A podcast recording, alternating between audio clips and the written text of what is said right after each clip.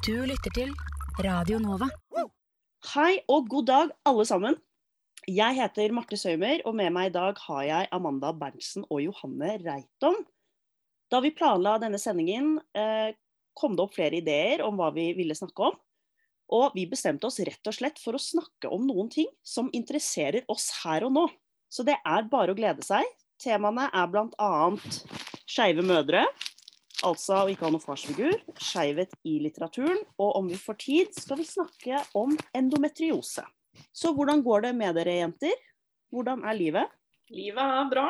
Bra. Hvordan er livet på en koronaskala? En åtte. En åtte. Ja. Hva, hva er en åtter på da? Hvis det er åtte på koronaskalaen, hva er det på en vanlig skala? Jeg tror det er åtte da òg. Herregud. You're thriving. Hva med deg, Johanne? Det går greit. Det hjelper veldig på. Nå er det veldig fint vær ute. Det føler jeg har mye å si på koronaskalaen, faktisk. Mm. Eh, så det går greit. Digg å være ute. Men eh, noe jeg har lært tror jeg det siste, eller fra 2020 da, er at det å ha det greit, det er helt fint det. Ja. Det livet er eh, Livet er godt greit. Det, det er mitt nye slagord. Ja, det er så sant. Jeg tenkte i denne sendingen at vi skulle starte med deg, Amanda. Og ditt eh, lille interessetema denne lørdagen som det er i dag. 8. mai, frigjøringsdag, og Amanda sitt tema. Vær så Ja. god. Jo, takk. Jeg ble ganske interessert i den debatten om å ha to mødre. Og, og det startet fra det derre um, paret fra Farmen, Lene og Ton, Tonje, eh, som skal bli mødre nå. Og da er det en person i et kommentarfelt som mente at eh, det er gambling å ha to mødre, og at det å ikke ha en farsrolle i familien er som å ha en plante uten sollys. Så da ble jeg litt sånn Hm, hva, hva legger han i dette? Så da ville jeg gjøre litt research på det. Og alt tilsier jo at det går helt fint med barn som har eh, to mødre. Eh, og jeg fokuserer på to mødre nå med tanke på denne debatten her. Um, så ja, mye forskning tilsier at barn uh, har det veldig bra med to mødre. Uh, og så er det en uh, forskningsartikkel fra 1990 som sier det motsatte igjen, ikke sant. Hvor de mener at eh, Eller det har med alene mødre å gjøre, da, men da har man ikke en farsrolle. Og det er eh, artikkelen 'Life Without Father America's Greatest Social Catastrophe' eh, av Nicholas Davidson. Som skriver at det har blitt dokumentert mye at alenemødre har ekstreme problemer med å kontrollere ungdomssønner. Eh, og at eh, man trenger en, en far eh, for, fordi barnet lærer å adlyde farens ordre. Og det er ikke fordi faren har rett eller kan forklare ordene sine forståelig, men barnet adlyder faren sin fordi man bare må adlyde faren sin, og ikke av noen annen grunn. Og at denne erfaringen er avgjørende. Er det Og i denne artikkelen, som da er fra 1990, det er ikke noe sånn snakk om da at det, grunnen til at det kan være vanskelig å kontrollere barna sine når man er alenemor, er fordi man kanskje også har dårlig økonomi, flere barn å passe på. Eh, I USA er det ekstremt store forskjeller òg, på fattig og rik. Men den sier ikke noe om det. Det er liksom bare konseptet at har du ingen far, så er du, er du fucked. Beklager ordbruken. ja, fordi det her kommer jo ifølge fra uh, Fraudian-teorien, støtter han seg på på dette. da. Og videre så skriver du også at fattigdom alene forklarer ikke uh, alle disse effektene med barn uten en far. Da. Uh, for de nevner jo også at man kan bli voldelig, lavere emosjonell intelligens, eh, begynne med rus, alt det dårlige der. Og da skriver du også at fattigdom alene ikke forklarer alle disse effektene. Og at faktisk kan ikke fattigdom forklare noen av dem. Uh, ja, jeg er jo ikke enig i det. Jeg syns jo det er eh, Sånne argumenter er jo alltid utrolig absurde. Fordi jeg tenker at da tar du på en måte et konsept, og så tar du det bare sånn i sin Altså helt ut av kontekst. Og man later jo på en måte som at disse tingene finnes i et vakuum, og at den farsrollen bare er sånn konstant, og at den er liksom nesten biologisk. At du sier sånn Istedenfor å tenke at sånn, ok, så kanskje det er sånn, da. Men hvorfor er det sånn at man tenker at far skal være autoritær? At man ikke stiller spørsmål ved noen av de samfunnsmessige konsekvensene eller samfunnsmessige bakteppene da, som fins i de kjønnsrollemønstrene, fra før. Og også at jeg syns det er så rart, for det er nesten som å si sånn Ja, du, i et utrolig undertrykkende eh, samfunn, så viser faktisk forskning at er, du blir lykkeligere av å være mann. Og så er det litt sånn Ja, OK, men hvorfor det, da? på en måte? Eller det er jo ikke Sånne ting er jo ikke Fakta er jo ikke objektive i den forstand. Jeg tenker også på det at det blir jo veldig interessant det, hvis vi skal ta tilbake til to mødre, da, eh, som er utgangspunktet, og ikke alenemødre, at det er sånn som du sier da, Johanne, at det, du liksom utelukker at en mor kan være autoritær eh, hvis det plutselig er det autoritære som barn trenger. Noe som sikkert også forskning viser ikke nødvendigvis er det faktaen Eller er det beste nødvendigvis heller, da. Eh, og jeg tenker at det her går jo også litt tilbake til eh, en episode som det var meg og deg, Amanda og Linda hadde for et par uker siden om det med kjønns, ikke kjønnsroller, men den der å bli satt i en boks, da, som hva er femininitet. Eh, og det å være feminin og maskulin er så mange forskjellige ting, og det er så trange bokser. Um, og hvis vi skal gå helt uh, bort fra um, de klassiske rollene, da, så er det gjerne sånn at i et forhold, om det er to menn, to kvinner eller en mann og en kvinne, så er den ene kanskje mer maskulin, den ene mer feminin. Man har forskjellige interesser. Og disse tingene kan like godt utfylle hverandre, uansett om det er to mødre eller to fedre. Og det er det som er så interessant. Det er ikke sånn at et barn vil miste f.eks. Eh, omsorg fordi de har to fedre, eller typiske maskuline bidrag hvis det er to mødre, eh, tenker jeg, da. Jeg syns også det blir jo en debatt om sånn Det blir jo kjempevanskelig, det har ikke noe godt svar på det akkurat nå, men da blir jo spørsmålet liksom om femininitet er en ting som faktisk eksisterer, om det er en reell ting, om det er konstruert. Og om det finnes jo også masse teori på at femininitet er en ting man kan at man utøver femininitet, at du ikke er feminin, du gjør feminine ting. Og hvis argumentet da er at du må eh, ha en feminin og en maskulin rolle, eh, for at da Det er liksom viktig for barns, eh, barns eh, utvikling, som vi definitivt kan stille spørsmål ved om er sant, så kan jo i teorien både menn, kvinner og alt imellom utøve femininitet og maskulinitet. Så det burde jo ikke være et problem, hvis det er det som er argumentet, da. Ja, mm. så blir det også litt sånn, eh, tenker jeg da, at du har flust av de som eh, vokser opp uten far eller uten en mor, hvor eh, den forelderen ikke tok ansvar. Så det er ikke gitt at eh, et utgangspunkt med en far og en mor er det beste heller. Mm. Eh, for et barn. Eh, det viktigste, vil jeg påstå, er kjærlighet og trygghet og nærhet. Og hvem som utøver det, tenker jeg er evne likegyldig. Og i hvert fall når vi ser Det er jo så mange konstellasjoner hos vennene mine med bare det skilte foreldre. Det har jo de fleste. Um, og jeg tenker at det, det, kan jo hende at å ha to mødre som er sammen, er bedre enn å ha en skilt mor og en far, da. Hvis man skal si det. Ja, absolutt. Og det er jo det også Helga Eggebø, eh, som forsker på kjønn, da, eh, påpeker at det er jo ikke biologisk foreldreskap og foreldrene sitt kjønn eller seksuelle legning eh, som er avgjørende, men at det som betyr noe, er at man har stabile, trygge rammer og en omsorgsperson eller omsorgspersoner eh, som også er emosjonelt eh, tilgjengelige for en.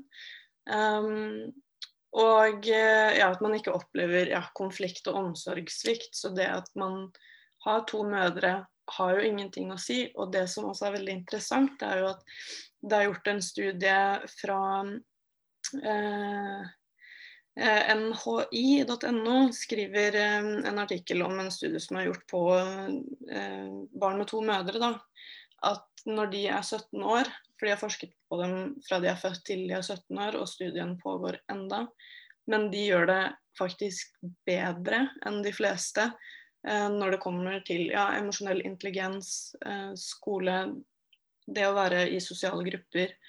Fordi, de, eh, fordi mødrene har hatt så stort engasjement da, i det å være foreldre. Fordi um, man må kanskje Noen av dem har rapportert at de føler at de må bevise at dette kan vi også, ikke sant. Og da har man engasjert seg ekstra hardt i barnet sitt liv. Jeg føler jo også at eh, noe som man også må ta inn i den tingen, er jo at eh, hvis man sier at ok, men eh, det blir vanskeligere for barn å ha homofile foreldre, og så er det litt sånn OK, men hvorfor blir det vanskeligere, da? Det er jo selvfølgelig fordi at du får, møter masse eh, kjip eh, motstand fra eh, kjipe homofobiske hold. Eh, og da kan man jo på en måte ikke si at det er et argument for at man ikke skal kunne eh, ha likekjønnede, ikke skal kunne få barn. Det er jo det et argument for at man må jobbe mot homofobi, på en måte. Ja, absolutt. Jeg føler definitivt at det trengs en holdningsendring til her. Fordi det er også noe som eh, ja, er rapportert at um, mødre Eh, har egentlig flere eh, concerns om eh, det å oppdra barna sine i et homofobisk samfunn enn det å være en forelder. Og det var også forskjellen mellom heterofile foreldre og to mødre, da. Det, det, var at de opplevde mer stress fordi de må forklare situasjonen sin så mye mer. Um, så ja, jeg føler det har mye å si at hvilket samfunn vi lever i, og ikke eh, hvilken legning eller kjønn foreldrene har. da. Jeg føler også noe av det som provoserte meg litt, som jeg føler er litt det samme, var eh, i fjor sommer med bioteknologidebatten.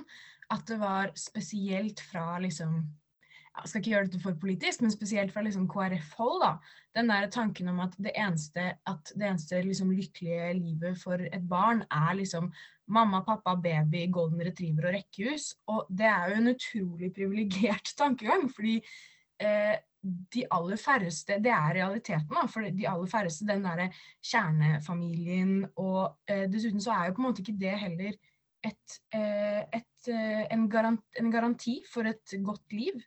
Og jeg syns bare det er en så utrolig gammeldags eh, tankegang som jeg sliter veldig med å forstå. Og så tenker jeg også at man kan jo eh, hvis man skal se sånn eh, på forskjellige barn, da. Eh, jeg kan jo også se det f.eks. i skolen. altså ikke sant, Alle barn er forskjellige.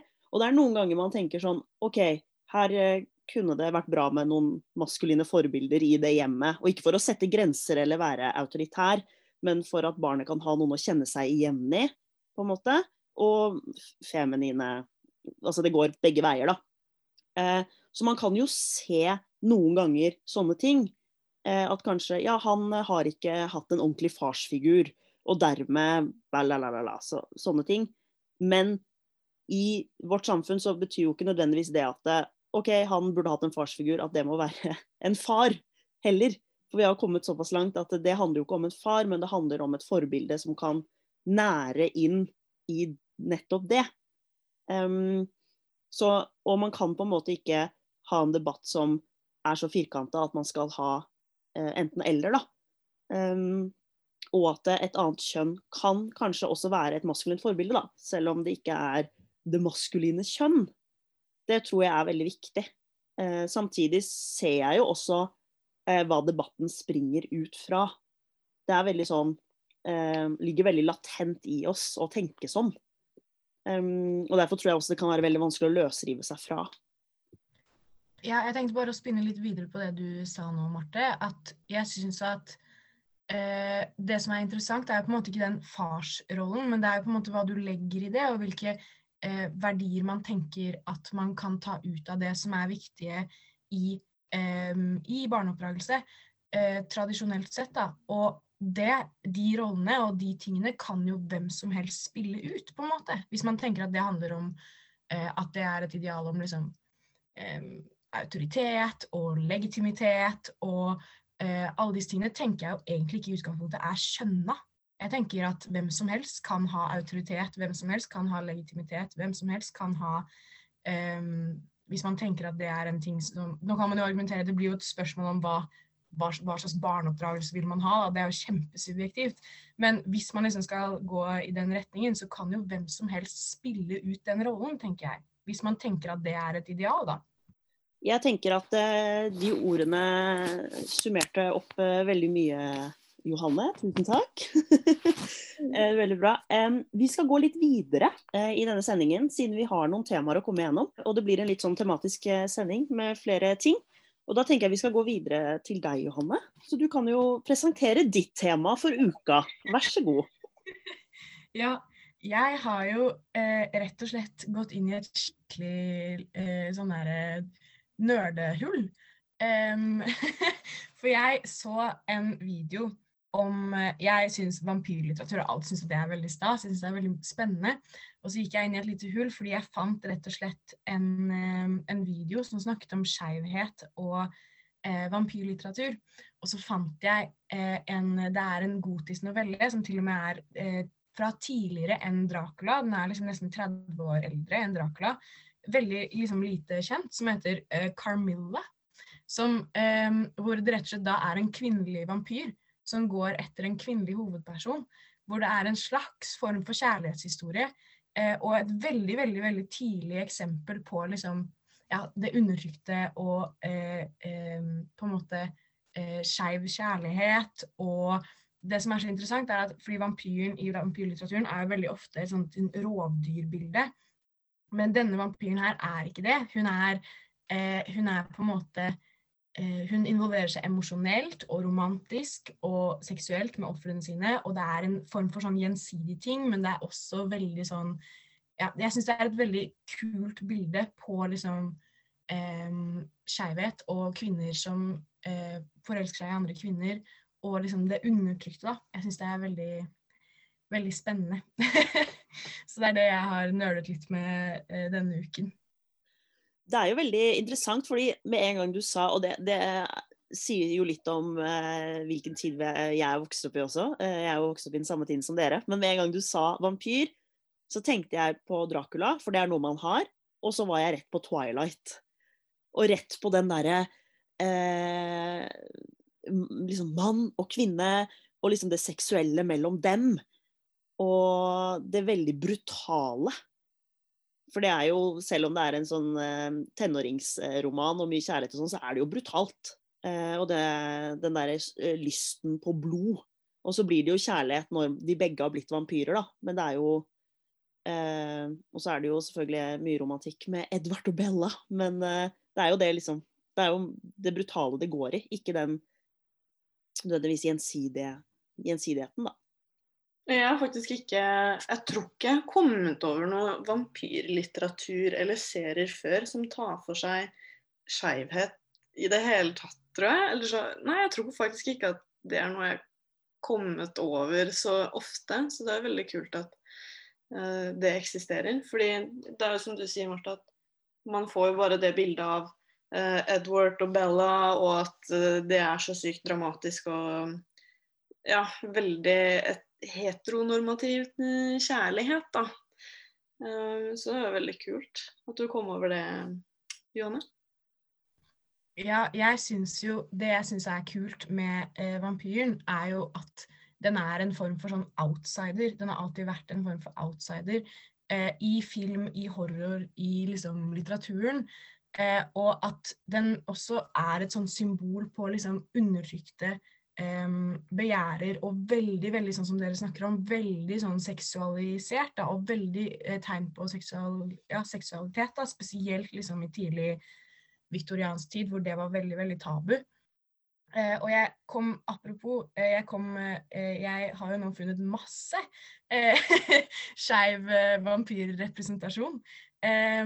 Blant annet eh, så er det en ny eh, Eller det er en webserie som er basert på denne gotiske eh, novellen, som eh, eh, tar for seg da et eh, veldig gjensidig romantisk forhold, eh, som også heter Carmilla. Og så er det også en skrekkfilm og en sånn romantisk ja, skrekkfilm-romantisk film fra 2019 som også tar det for seg. Så det er liksom blitt en sånn kultklassiker, da, sånn symbol på liksom undertrykt begjær og det å føle på liksom skambelagte følelser.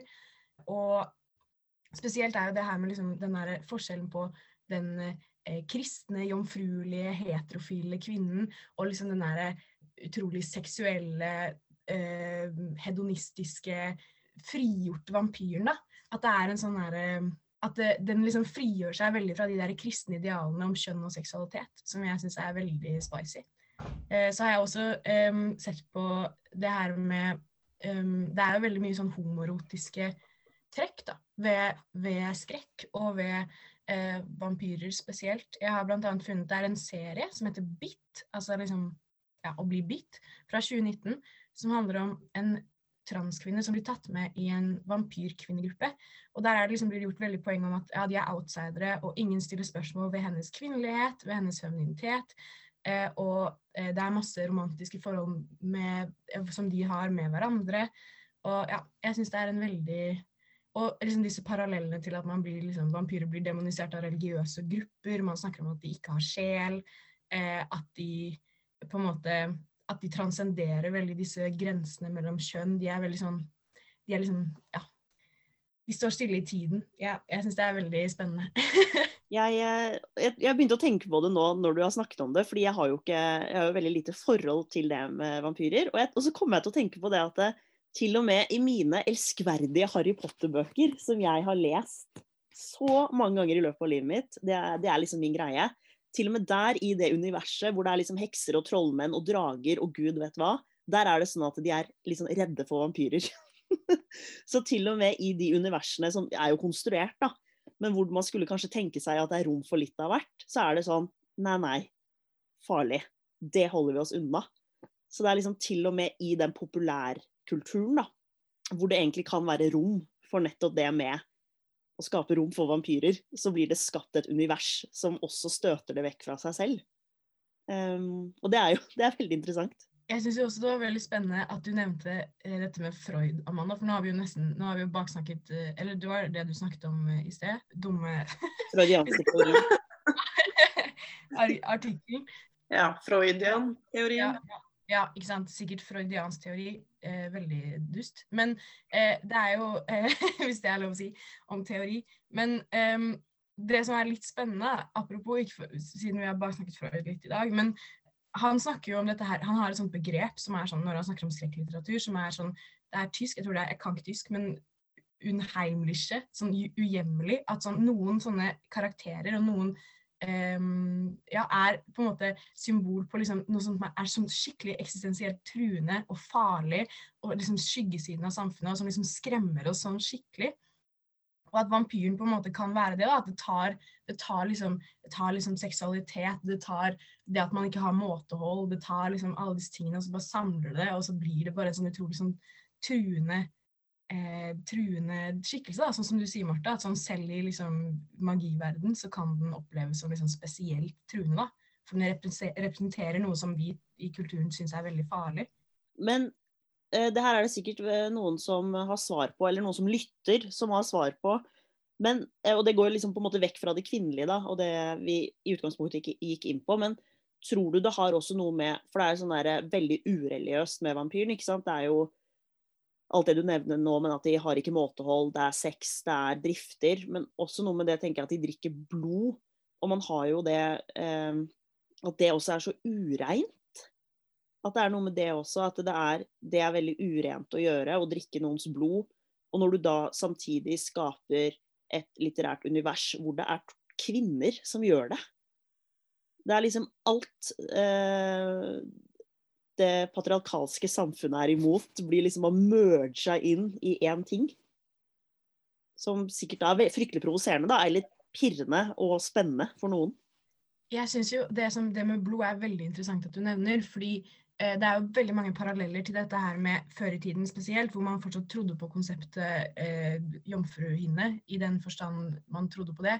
Så er det jo noe utrolig sånn Det med vampyrene at det liksom er noe sånn, det er noe, sånn, det er noe penetrerende, og det er blod, og det er liksom alle disse tingene som er veldig sånn hysj-hysj, det skal vi ikke drive med. Og også så er det jo også noen som har nevnt para, sånn paralleller til Spesielt på 80-tallet, eh, hvis vi skal snakke om skeivhet og vampyrer, da eh, så var det jo eh, med aids-krisen og aids-epidemien, så var det veldig mye vampyrfilmer og litteratur som var veldig grensesprengende i det at de ønsket fortsatt å ta i noe som hadde blitt så tabubelagt, da, og som folk var så redd for, med tanke på hiv og aids og hvordan det sprer seg, og at det er i væske og at det er i blod. Og at dette på en måte kan være en parallell til liksom, ja, det der med sykdom og sånn. da, At det var veldig grensesprengende at man på en måte eh, spesielt de snakker om ja, det, er en, det er en serie som heter, en film som heter The Lost Boys, tror jeg, som er fra midten av 80-tallet. Hvor de liksom romantiserer det med å være liksom vampyr og rebell og opprørsk. Og at det kan være frigjørende i en periode der hvor blod var veldig sånn Hvor man syntes at det var veldig skummelt. da, Hvor det var liksom aids-krise, og man var veldig redd for kropp. Og veldig redd for spesielt menn som har sex med menn, da. Jeg syns absolutt at vi burde lage et eh, innlegg på Instagram eller noe, hvor du får dele disse filmene og litteraturene, Johanne.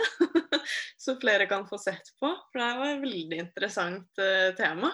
Kanskje jeg skal lage eh, Johannes vampyr, uh, vampyranbefalinger? Det er jeg veldig med på. I et feministisk perspektiv. Ja. Jeg lurer på eh, Nå har vi jo gått fra skeive mødre til skeive vampyrer. Og de siste minuttene vi har igjen nå, det er ikke så mange, så tenker jeg at vi skal gå over til noe annet som eh, er innenfor de kroppslige rammer. Eh, og det er eh, kvinnesykdommen eh, endometriose.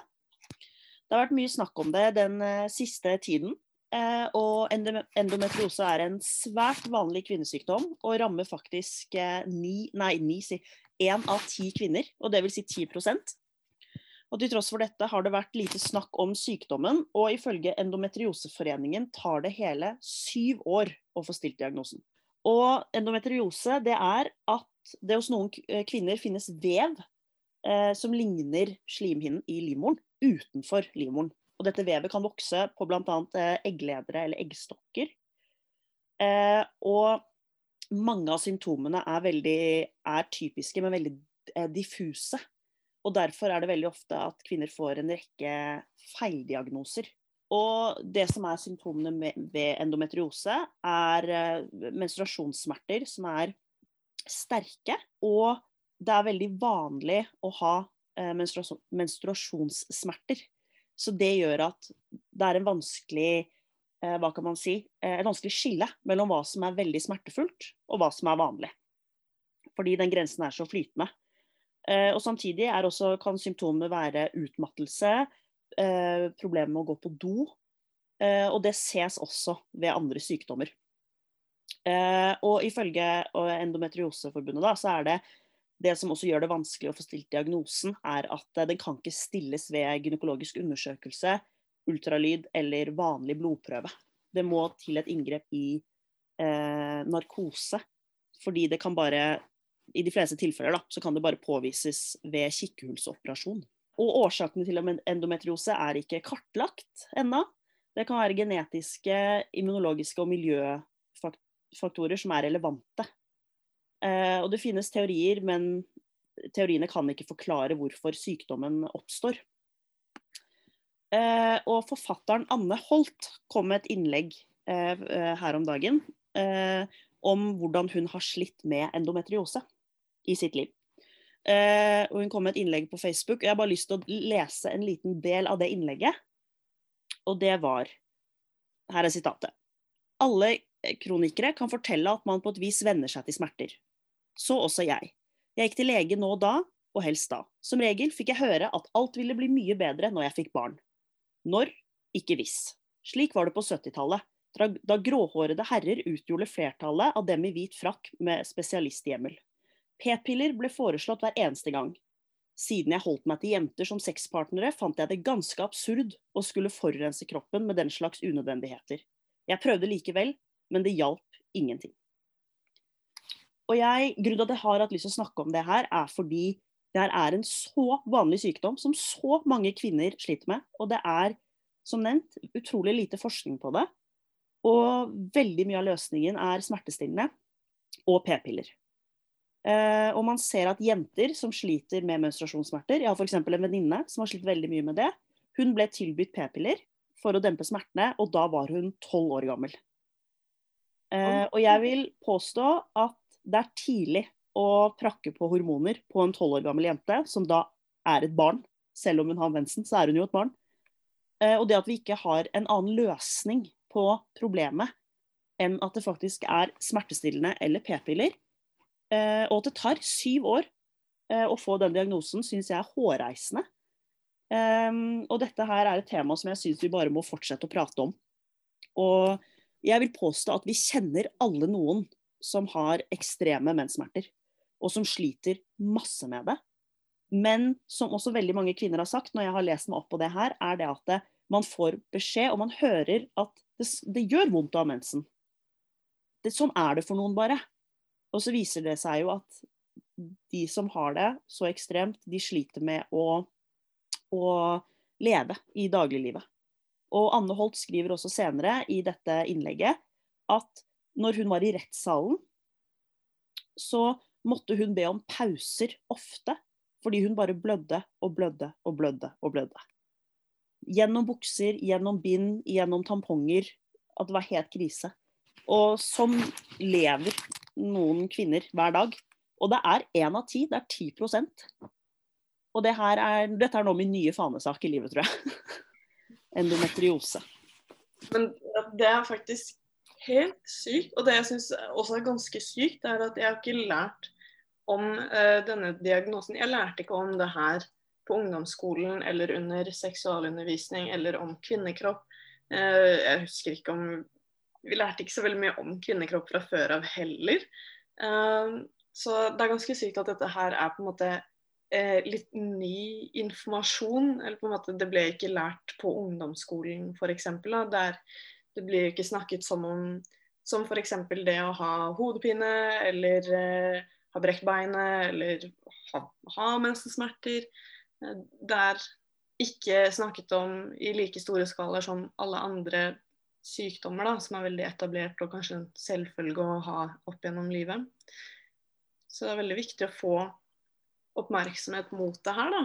Jeg tenker at at det er en sånn diskurs at uh, det er litt sånn Ja, men det skal jo være vondt av mensen, det er vanlig. Det har også gjort at det er så utrolig mange som bare biter det i seg. Og det er folk som sliter med det så mye. Jeg leste også om en nå som eh, hadde slitt så mye med det og hadde en del tilleggssykdommer også. Men der ble valget til slutt å fjerne livmoren. Og det har også Anne Holt gjort nå, faktisk. Eller ikke nå, men også gjort, da. Jeg syns også bare det er en så utrolig rar eh, diskurs. fordi på en måte så forteller man jo kvinner at eh, ja, det er vondt å ha mensen, det skal være vondt å ha mensen. Men jeg har også opplevd veldig mye eh, opp gjennom eh, livet, og i, spesielt i skolevesenet, eh, og av leger og sånn, at man får liksom høre at sånn, ja, men er, mensen er ikke en sykdom. Så det er liksom både en sånn veldig bagatellisering av det, og en sånn ja, ja, men det her skal du bare heve deg over fordi det skal være vondt. Og da tenker jeg at man på et vis må bestemme seg litt. At du kan ikke både si at uh, nei, dette her må du bare heve deg over, og du må komme deg på jobb, og mensen er ikke en sykdom, men det skal også være skikkelig, skikkelig vondt. For da tenker jeg at det er et uh, litt uoverkommelig mål. At du skal Det skal både gjøre dritvondt, og Men du skal ikke være sykemeldt. Og det handler jo veldig mye om Og det handler også igjen selvfølgelig masse om kvinnehelse, og at det er ikke noe forskning på kvinnehelse. Det er ikke, det er ikke status å forske på kvinnehelse, det er status å forske på vanskelige ting som hjernen og sånn, og at det å forske på eh, livmor er ikke status, og det er ikke penger i det, og det er noe man absolutt må gjøre noe med. Eh, jeg synes også at det er veldig interessant det Anne Holt skriver, som jeg også har hørt, og jeg tror også jeg også selv ytret de ordene, at man hører at kanskje det blir bedre når man får barn. Og det også at man hviler på en sånn Ja, ja, men det, det blir nok bedre når du får barn. Og så for Det første så er det sånn, det er ikke alle som vil ha barn, det er ikke alle som kan få barn. Eller i Anne Holts tilfelle, hun eh, er lesbisk og ville derfor mest sannsynlig ikke få barn eh, på den naturlige måten. Eh, og jeg har også sagt det til venner som, når de har snakket om disse menstruasjonssmertene, som da også har vist seg å ha vært endometriose. Hvor man har sagt sånn Å, herlighet. Nei, det er jo For noen så, går det jo over kanskje når man får barn. Og det er liksom, er det løsningen vår? Er løsningen vår å få barn? Det er, jo ikke, det, er jo, det er jo helt sykt. Det skal jo ikke være sånn. Jeg føler på en måte at hvis Og det her blir veldig rett fram å si, men jeg føler at det hadde man ikke sagt til en mann. Sånn, du, har, du sliter med for tidlig sædavgang, og, eller uh, impotens. Det blir bedre etter du får barn. Det føler jeg jeg, jeg jeg, jeg, vil påstå at det hadde vi ikke sagt til menn, da. Jeg kan ikke se for meg at det hadde vært det første svaret de hadde møtt på. Og i hvert fall ikke hos legen. Mm. Og jeg tenker at det handler jo også om det som du sier da, Johanne, at det er kvinnehelse. Eh, og det kvinnehelse favner jo ikke om bare endometriose, men eh, f.eks. ME. Som det er flest kvinner som får, og som også er en sykdom hvor man må utelukke andre ting. Og til slutt så får man ME, men da har man gjerne vært gjennom et årsløp av eh, utelukkelser. Eh, men med mer forskning på det, så vil man jo slippe disse, disse stegene, da. Og, men når det ikke er prestisje, så faller det gjennom, og så blir f.eks. da endometriose en ting hvor man er sånn ja ja, men man kommer seg jo gjennom det. For det gjør, må man jo.